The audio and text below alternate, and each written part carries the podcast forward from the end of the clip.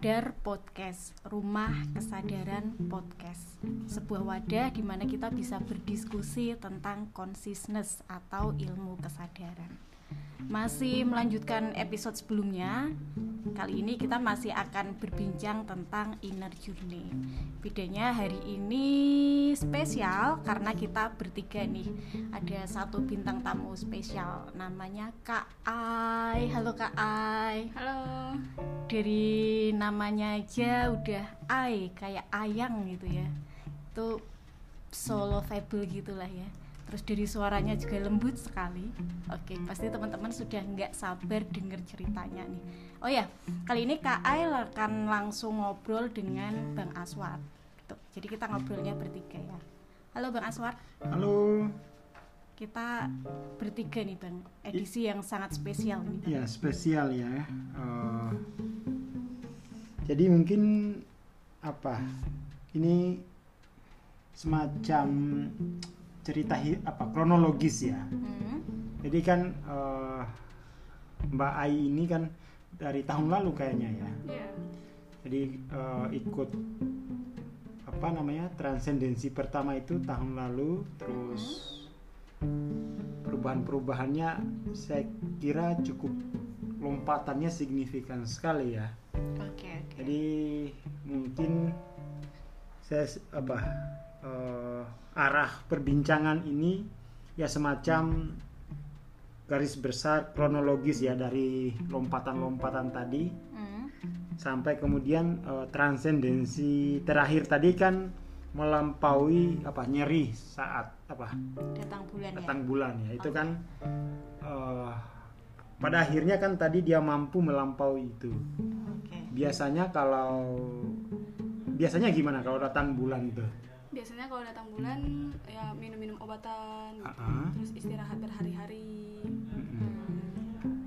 sampai gak ke mana-mana gitu ya hmm. cuma nah, beneran di rumah sakit gitu. aja biasanya berapa hari kalau maksimal tiga hari maksimal tiga hari ya ya itu yang menarik ya tadi setelah mengal uh, pas nyeri kan tadi ya pas hmm. nyeri terus ya di kantor tuh pas lagi suasana belajar kan terus kok dia kayak meringkuk di pojokan gitu kan di sudut. Dan itu tiba-tiba banget ya tiba-tiba banget awalnya gitu. kelihatan masih ceria, ceria aja uh, terus tiba-tiba di pojokan sambil tangannya meringkuk kayak menggenggam. gitu ya. sakit banget gitu ya. Uh, uh, terus tanya kenapa? gitu saya kira uh, ya mungkin main-main ya. Mm. sedang apa istilahnya? Acting. Acting gitu.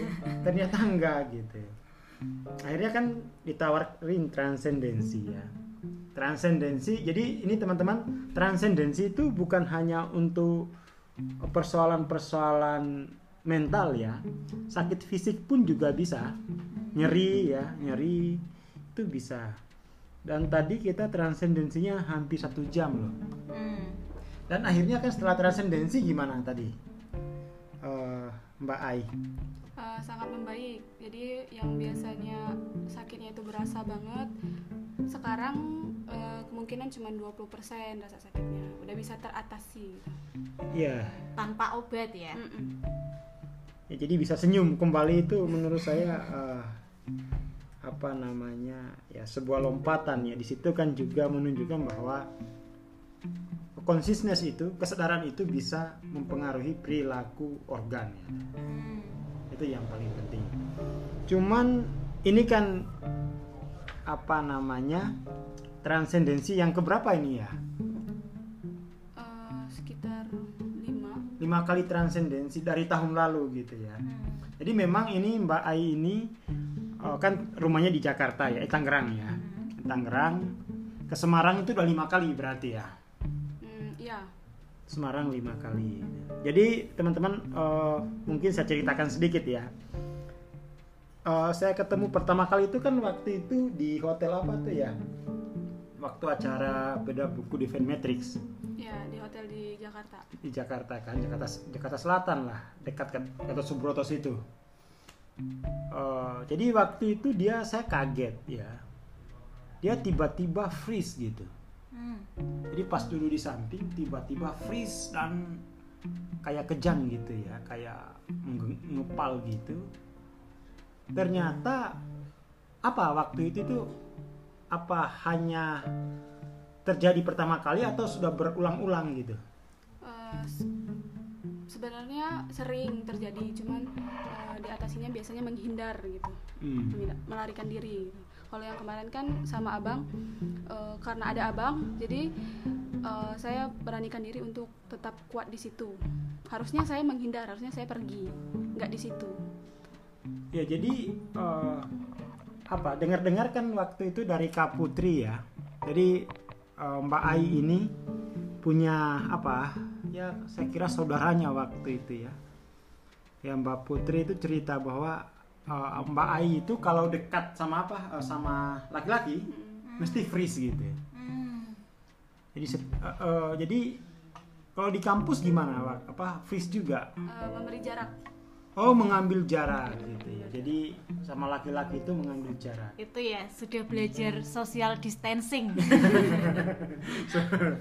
Eh, itu sudah pertama kali disadari kapan? SMP, SMA, Hmm, saat SMA SMA itu udah ini ya menyadari bahwa kayaknya aku nggak bisa dekat-dekat sama laki-laki ya ketika dekat itu freeze gitu ya. Berarti waktu ketemu di Jakarta itu dari SMA berapa lama tuh? Eh, sekitar lima tahunan Ya jadi eh, teman-teman Bay ini sekarang tuh eh, waktu itu eh, sekarang ini ya itu masih kuliah semester terakhir ya. Tujuh. Semester 7 udah mau skripsi dan waktu pertama kali freeze itu berarti lima tahun berarti. Jadi selalu mengambil jarak gitu ya. Mm-mm. jadi kalau misalnya tidak sempat mengambil jarak misalnya dalam situasi-situasi tertentu kan tidak selalu bisa mengambil jarak kan. Misal di kendaraan umum gitu itu ya. berarti freeze gitu aja. Biasanya kalau di kendaraan umum itu kan kita pakai tas tuh suka kita Oh, dipeluk buat tasnya. perlindungan ya, iya, iya. dipeluk tasnya gitu. Mm-mm. Jadi- perasaannya deg-degan gitu Iya iya iya iya. Lalu kemudian kan setelah ketemu di Jakarta, akhirnya datang ke Semarang kan waktu itu. Waktu itu kan juga sempat freeze ya waktu di acara itu, Mm-mm. sempat freeze gitu. Eh, jadi freeze kan kemudian tuh di Semarang kan waktu itu kan salah tiga hari atau empat hari ya. Iya. Tapi kan waktu itu transendensinya cuma dua kali ya kalau nggak salah. Transendensinya itu dua kali.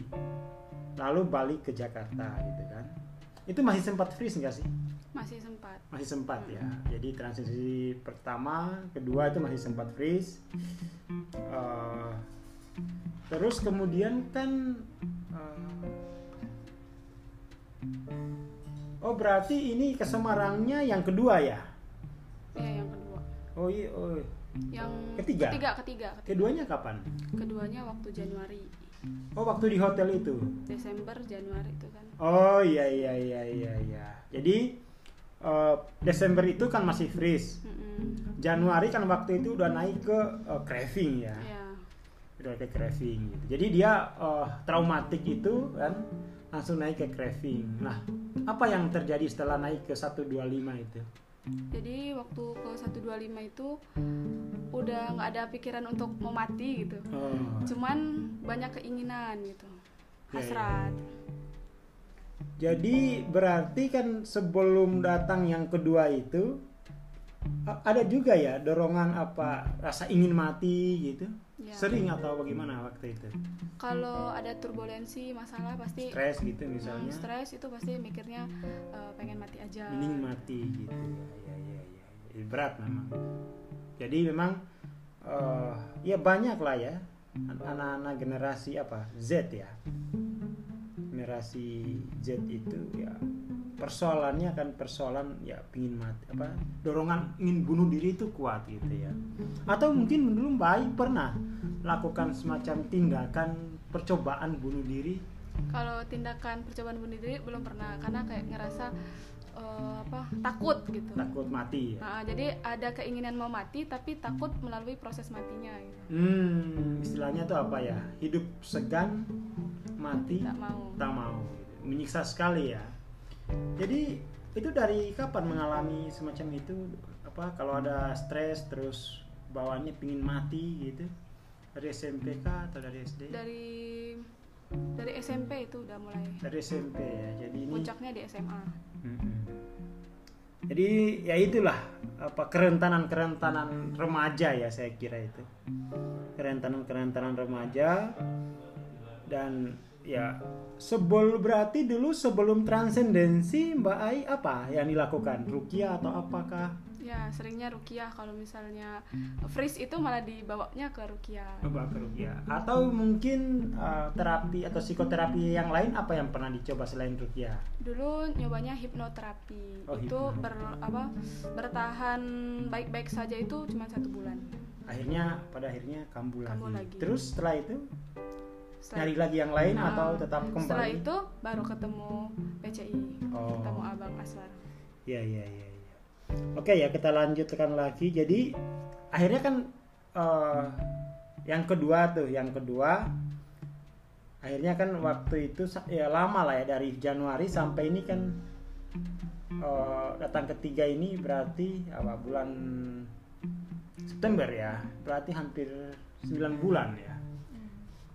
Nah, eh, setelah 9 bulan itu kan naik waktu itu dari 125 ya. 125 eh freeze-nya itu masih tapi ya? Masih. Masih. Cuman yang hilang tuh yang gejala pingin bunuh dirinya itu. Nah ya bunuh dirinya udah nggak ada. Udah nggak nggak ada gitu. Terus kompensasi ke fisik misalnya insomnia atau apa gitu? Insomnianya sampai enam bulan oh jadi waktu itu setelah datang kedua Mm-mm. nanti itu berlanjut insomnia ya Iya. masih insomnia oke oke. jadi ini memang masalahnya ya cukup kompleks ya dari psikis sampai ke Fisik. gangguan perilaku sampai ke fisik itu perilaku tidur lalu kemudian ini kan data yang ketiga sudah berapa hari di Semarang nih sudah satu bulan satu bulan ya satu bulan dan ini eh, ya saya melihat perubahannya selama satu bulan dan transendensi berapa kali satu bulan ini? Tiga kali.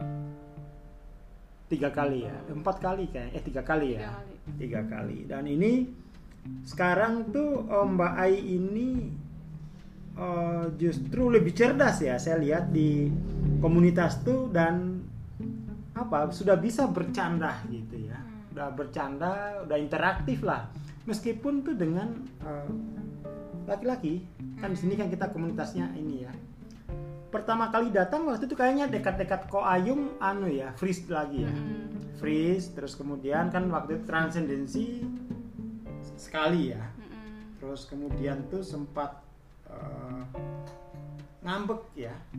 Sempat ngambek. Berapa hari waktu itu ngambek? Empat hari nggak datang. Empat hari nggak datang transendensi Eh, merasa ada lompatan besar tuh eh, kapan tuh merasa bahwa eh, secara sosial kok aku muda mulai akrab nih Eh, sekitar seminggu yang lalu seminggu yang lalu setelah ngambek itu kali ya Mm-mm. Oh, berarti eh, setelah ngambek itu ya, itu kan transendensi pertama efeknya apa waktu itu? Kan katanya apa mimpi buruk ya? Eh, awalnya kan insomnia kalau tidur tuh suka mimpi buruk setelah transendi transendensi itu eh, mulai bisa tidur walaupun sering kebangun cuman udah nggak separah dulu Jadi kalau yang dulu gimana? Kalau mimpi misalnya atau pas bangun tidur apa yang dialami? jadi kalau dulu eh, tidur mimpi buruk besok paginya itu langsung bad mood gitu Hmm. sepanjang hari males Jadi kalau mimpi buruk itu malah itu terbawa terus dalam keseharian ya. Hmm. Setelah transendensi yang ketiga berarti gejala bad moodnya apa? sudah nggak ada Sudah nggak ada tapi insomnianya masih ya. ya Eh, minggu-minggu terakhir ini gimana? Masih insomnia? Atau sudah nggak sudah tidurnya sudah lebih nyaman Jam berapa mulai tidur biasanya? jam 10-11 sudah persiapan tidur Oh udah persiapan. Kalau sebelum-sebelumnya biasanya itu sampai jam 1 jam 2 masih belum bisa tidur. Subuh gitu masih. biasanya setelah subuh tidurnya Ah setelah subuh. Jadi perubahannya besar ya. Sekarang jam 10 jam 11 tuh udah persiapan tidur. Sebelumnya setelah subuh baru bisa tidur. Ya ya jadi itu. Terus eh saya sih melihatnya ya ditekan saya perubahan sosialnya gitu dia lebih humoris sekarang humoris apalagi kemarin pada saat ada Jenny ada Alia itu wah kerap sekali mereka. Biasanya berjarak ya.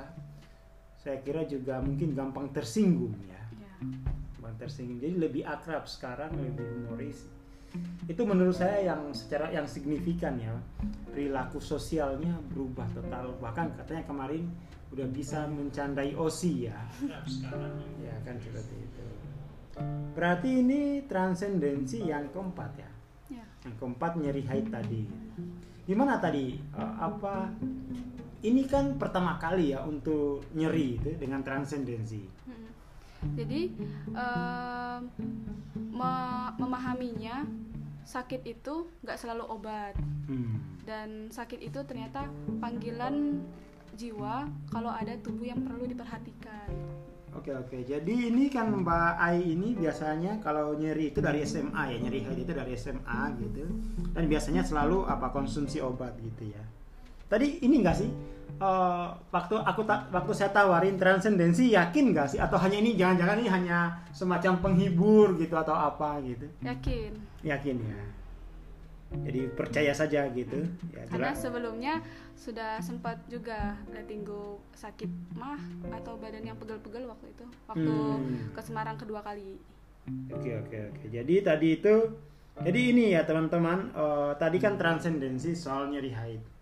Ternyata nyeri haid itu eh, bisa diringankan setidaknya di gejala nyerinya itu kan melilit ya lalu sampai kemudian pada taraf yang bisa ditoleransi bahkan nyaman ya eh, itu kan tadi kita coba eh, transendensi emosi di balik rasa nyeri tadi tadi itu kan ada emosi eh, benci ke diri sendiri. Jadi nyeri haid itu ternyata di baliknya ada emosi eh, benci ke diri sendiri.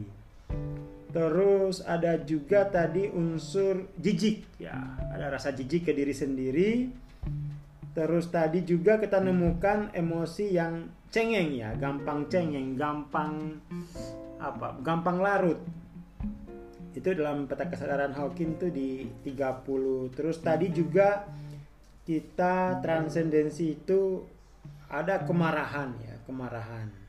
Kemarahan kepada siklus yang terus menerus berulang-ulang gitu.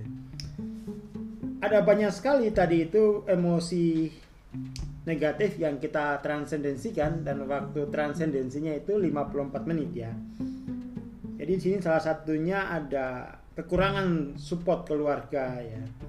Dan di sini tadi ada yang nelongso ya. Jadi dulu kalau sama ibu itu nyeri haid dibilang malah malas-malasan gitu. Jadi ini menarik. Jadi teman-teman kalau yang mengalami nyeri haid ada solusi baru nih.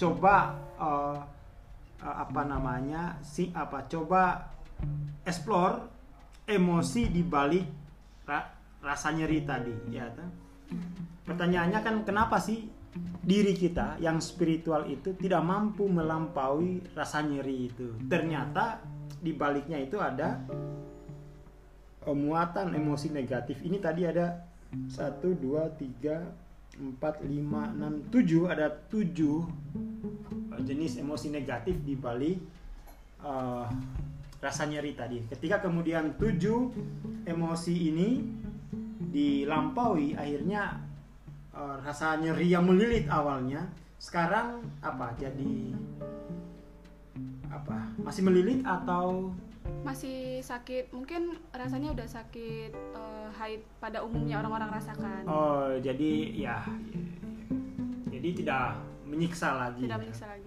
Ya hanya semacam ya biasa lah itu. Mungkin kakak Nurus juga mungkin bisa apa cerita soal pengalaman menstruasi ya. Gimana melilitnya atau bagaimana? Oh iya, saya juga nggak sering sih bang, cuman beberapa kali kalau eh, baru mau ya, eh, apa sih PMS Mm-mm. pramenstruasi itu emang kerasa banget sih. Kalau saya di perut yang sebelah kanan gitu, Eh, apa ya, kayak di apa sih mbak? Kremes. kayak dikremes gitu Melilit sih. gitu ya? Iya. cuma kalau saya nggak sampai yang bed rest gitu sih paling kerasa kayak ada enggak ada enggak gitu Oh iya iya iya. Ya ini teman-teman yang tertarik apa yang punya masalah apa tadi itu melilit ya, melilit saat menstruasi itu rasanya melilit dan sampai harus ya putus asa ya. iya kalau teman-teman yang cewek kayaknya udah tahu deh Enggak tahu ya, maaf Maksudnya- ini saya kan enggak. maksudnya udah tahu. tahu bedanya ini sakit karena mens atau sakit karena apa karena mules itu teman-teman kayaknya udah udah tahu sih bedanya gitu ya mbak ya Oke teman-teman itu tadi cerita kita bareng Kak Ai sama Bang Aswar. Makasih ya Kak Ai udah berbagi di sini. Sama-sama. Sampai ketemu lagi. Semoga kita nanti ketemu lagi dalam keadaan yang jauh lebih baik ya. Nah, buat teman-teman yang lain kalau masih penasaran dengan cerita-cerita yang lain karena kita bakalan menghadirkan bintang tamu yang lain, jangan lupa untuk tetap dengerin Radar Podcast. Sampai ketemu.